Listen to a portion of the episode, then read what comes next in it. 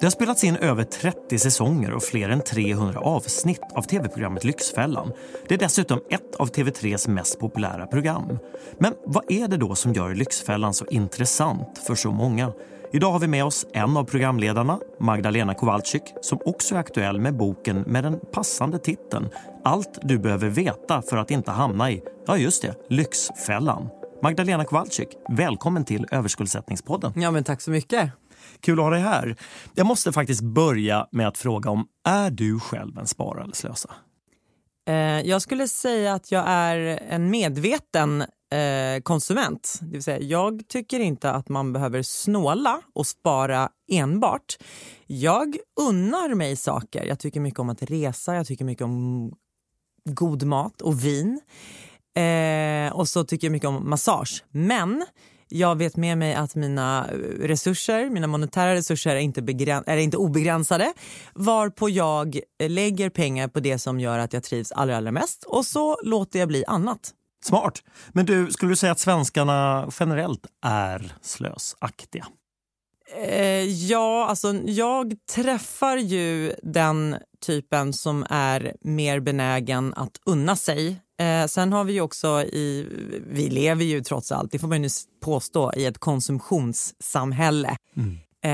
Eh, det är väldigt, ja, ja, krasst ekonomiskt sett, det finns väldigt många bolag som tjänar pengar på att vi unnar oss och köper grejer vare sig vi behöver dem eller inte. Och kanske också vare sig vi har råd med dem eller inte. Exakt. Ja. Och det är väl det som har förändrats de senaste 10-15 åren. Just möjligheten att konsumera trots att man inte har råd. Ja. Så jag skulle ju säga att vi svenskarna har byggt ett samhälle där vi är och uppmuntras att, till att vara mer slösaktiga än de flesta andra länder i världen. Ja, och du träffar ju just överskuldsatta i ditt eh, tv-program varje vecka egentligen.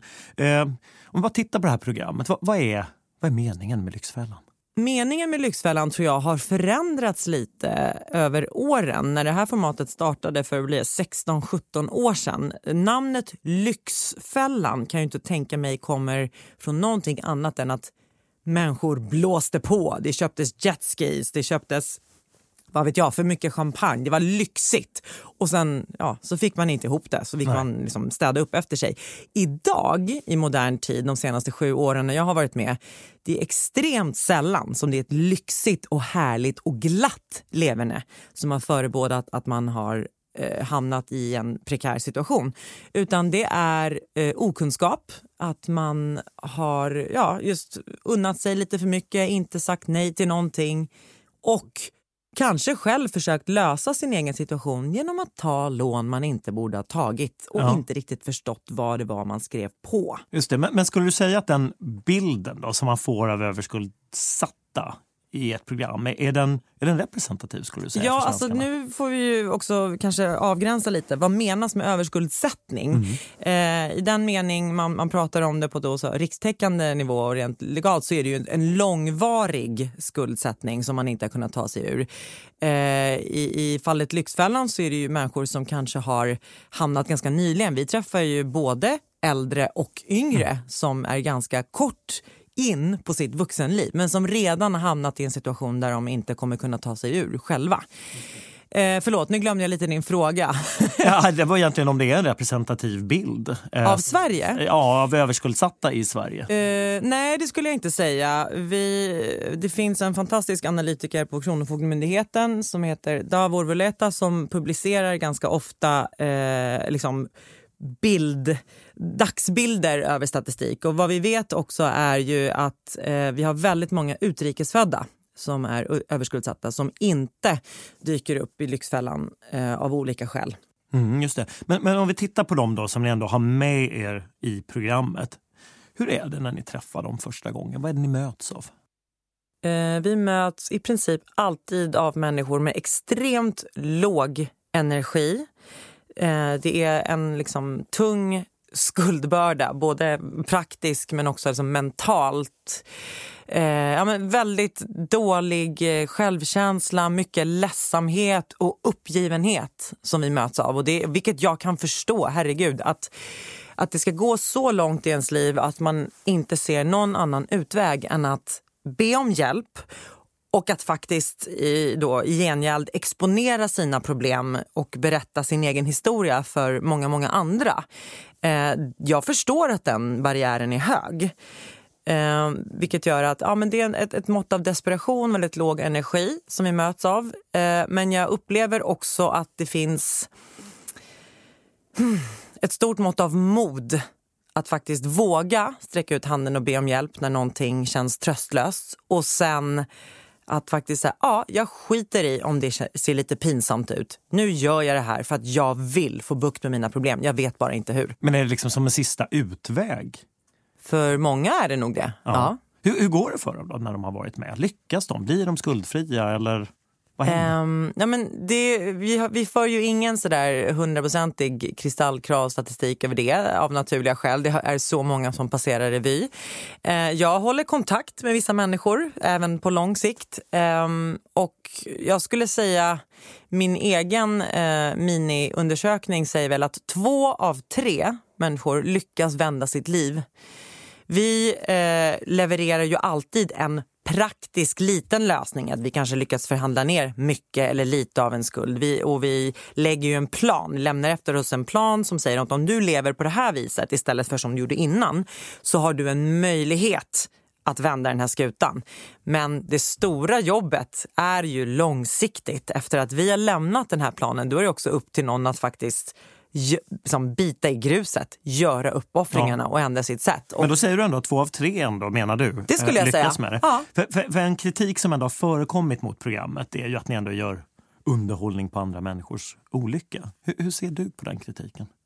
Eh, ja, det, jag skulle fråga med mig, så här, vem påstår det? Alltså det är klart att det finns ju alltid folk som sitter i, eh, bakom en skärm eh, och inte skulle säga saker och ting i det öppna ljuset och kanske inte riktigt står för utan man kanske gormar lite för gormandets skull. Eh, sen kan jag säga absolut att i det förflutna innan min egen tid så kan jag också tycka att det här programmet bitvis var lite i hårdaste laget mot folk. Eh, nu är jag jag och kan bara ansvara för vad jag själv gör och min egen coachingstil skulle jag säga är visserligen hård och uppfordrande. Jag tolererar inte nonsens. Men det finns ingen anledning till att trycka ner andra människor utan vi är där, vi har ju inget program, vi har inget case om vi inte lyckas göra en positiv skillnad. Mm. Just det. Du, eh, vi ska titta här lite också på, du nämnde Kronofogdens statistik och eh, en av de här grupperna där vi faktiskt har sett en ganska dyster utveckling, det är ju unga kvinnor mellan 18 och 25. Absolut. Eh, och du nämnde här att ja, du ser de du möter som är, har precis börjat sitt vuxenliv egentligen och hinner knappt ut i det innan de hamnar i då skuldsättning. Eh, varför är just unga kvinnor så utsatta? Har du någon tanke om det? Ja, eh, då skulle jag rekommendera att förklaringen finns på din närmsta sociala medieplattform där vi har allt ifrån influencers som visar hur härligt livet är när man köper eh, nya saker, kanske smink, kanske kläder eh, i kombination med just vi har stora rosa bolag exempelvis som möjliggör att men gud, du behöver inte tänka på att betala. Unna dig gumman, köp nu. Ta det där med betalning sen. Vi, vi, vi, eller så skriver vi kanske lite finstilt sådär. Men bekymra dig inte om det. Huvudsaken är att du spenderar, att livet ska vara kul och glatt och härligt. Och om vi i det här samhället inte har någon motpol i form av en, vad vet jag, en vettig stora syster eller ett skolväsende som eh, förklarar att du, så här funkar det när man köper någonting på avbetalning eller när man köper någonting på kredit. Gör som du vill. Du är eh, myndig och får göra som du vill. Men du måste veta vad det är du gör och kunna göra en, ett moget övervägande. Har jag råd med det här? Är det värt det? Där blir en diskrepans och det var därför som jag skrev den här boken. Jag tänkte eh. komma till det precis. Det låter som en alldeles utmärkt eh, övergång till den. Då är vi överens. Ja, vi är helt överens om den. För, för den här boken då, som du har skrivit här nu, allt du behöver veta för att inte hamna i Lyxfällan egentligen. Och, och sen står det under också där, eh, boken som dina pengar vill att du ska läsa. Är det stora systern? till de här unga kvinnorna, tänker du? Det var faktiskt ambitionen, ja. Eller storebrorsan för den delen. Jag har ju en medförfattare också. Just det, precis. Eh, men du, av titeln att döma då, eh, så verkar ju det här vara en bok egentligen som man ska läsa för att då inte hamna i skuld. Ja, det här, eh, för att förtydliga, eh, det här är hemkunskapslektionen som borde finnas som inte finns, tyvärr. Det finns ju eh, absolut liksom, influencers av den bättre sorten också som berättar så här ska du investera, så här funkar det att gå in på börsen eh, och så här ska du göra med pengar som du har. Det, de hyllmetrarna är många, det sociala utrymmet finns, men jag vill fånga upp den här växande skuldsatta målgruppen. Liksom, hur gör... Alla har inte den eh, förmånen att ha pengar över och investera. Och Det är inte heller det som är ambitionen. utan Jag vill stävja det faktum att många förstör sitt liv för potentiellt lång tid framöver. Så att Det är egentligen allt man behöver veta för att liksom inte hamna under nollstrecket. Ja. Vi har olika förutsättningar, vi har olika budgetar men alla ska kunna leva med den lön eller studiebidrag som de har ska man kunna leva ett liv som går runt och som är så trivsamt som det bara går. Mm. Och då måste man se upp för vissa saker. Ja, och då tänkte jag fråga dig just det här. Va, va, vilka är de här varningssignalerna då för att det håller på att gå snett? Ja, att det håller på att gå snett är ju helt enkelt att man eh, tittar i sina mejl eller sina, öppnar sina kuvert och konstaterar åh tusan, eh, jag måste punga ut med y kronor den här månaden för allt jag har köpt på mig men jag har bara x kronor in mm. och x råkar vara mindre än y. Det är ett ganska tydligt klartecken på att så här, kan, det här går inte.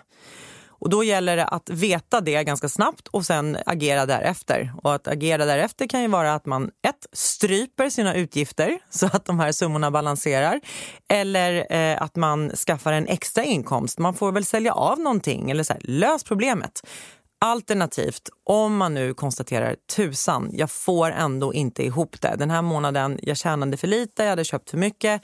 Då gäller det att veta, vem ska jag ringa? Hur ska jag prioritera? Vad ska jag och vem göra? Vem ringer man då? Ja, förslagsvis så ringer man ju först och främst eh, sin skuldägare, den man är skyldig pengar. Och så förklarar man läget att hörni, eh, jag har köpt på mig för mycket eller jag fick mindre lön än vi hade räknat med den här månaden. Jag har absolut för avsikt att göra rätt för mig, men kan vi göra en avbetalningsplan där jag får betala nästa månad istället. Och kan ni vara bussiga och inte dra på för mycket med räntan kanske? Alternativt har man varit lite långsam på den här bollen och ärendet har hunnit gå till inkasso, ja då ringer man ju inkassobolaget och förklarar läget. Mm. Eh, det gäller bara att inte stoppa huvudet i sanden så att det går så långt som till Kronofogden. För där blir det betydligt svårare. Kronofogden är inte, mm, så att säga, man kan inte förhandla i, i, samma omfattning där utan Kronofogdens enda uppgift är att faktiskt driva in skulder. Um, så att, ja, och alla de här mm. stegen är det ju skönt om man har läst någonstans och veta vad gör de här olika bolagen? Vad har jag för möjlighet att påverka i varje steg? Allt det där finns i min bok ja. för att jag tror verkligen att en känsla av kontroll, att man förstår vad olika aktörer gör, gör att de blir mindre skräckinjagande. Och då kanske inte känns lite lika läskigt att ringa. Nej. Just det, du är inne på det här, men om du skulle försöka sammanfatta då, vilka är dina absolut bästa privatekonomiska tips? Mitt allra, allra främsta tips är ju att um, mentalt uh, i konsumtionen gå tillbaka till 80-talet innan avbetalnings och kreditmöjligheter var lika vanliga. Och helt enkelt bara spendera de pengar som man har. Mm. Uh, Inga flashiga krediter? Jag vet inte var ordet flashig började kopplas ihop med kredit förutom Nej. i eh, som mediala sammanhang. Det, det är klart att snabblånebolag och kreditgivare är jätteduktiga på att presentera det som åh gud det är så härligt, unna dig en kredit, det är så flashigt, kolla vilket häftigt kort jag har. Eh, det är inte flashigt. Nej. Det är någonting du ska vara jäkligt skeptisk mot. Mm. Eh, och eh, om det är så att du vill handla på kredit, ja, det är klart att jag förstår att det kan finnas en bekvämlighet i att få hem sina plagg först, testa dem och betala sen. Du låter ganska mycket egentligen som en eh, hemkunskapslärarinna här. Mm. Är det egentligen så här att vi behöver bara mer sunt förnuft? Ja, gud ja. ja. Sunt förnuft skulle göra oss en stor, stor tjänst. Vi måste bara vara ödmjuka för att det finns jättemånga bolag som är duktiga på att eh, eh, överrösta den ja. sunda förnuftsrösten med mycket härligare och flärdigare budskap, mer kända frontfigurer som lockar med någonting annat. Ehm, så det är lätt och väldigt mänskligt att glömma bort det sunda förnuftet. Ja, sunt förnuft är alltså det som gäller. Tack för att du kom hit och gästade oss idag, eh, Magdalena Kowalczyk. Varsågod. Eh, jag ska också säga det att vi tävlar ju ut tio exemplar här av Magdalenas böcker. Så om du vill ha chansen att vinna en av dem, gå så snart som du kan in på laul.se podd och det är podd med två D så har du chansen att vinna Magdalenas bok med tips om just en bättre privatekonomi. Producent idag Julia Mastell, ljuddesigner Anders Wågberg på 20 Studios och jag, jag heter Fredrik Skärheden. Tack för att du har lyssnat.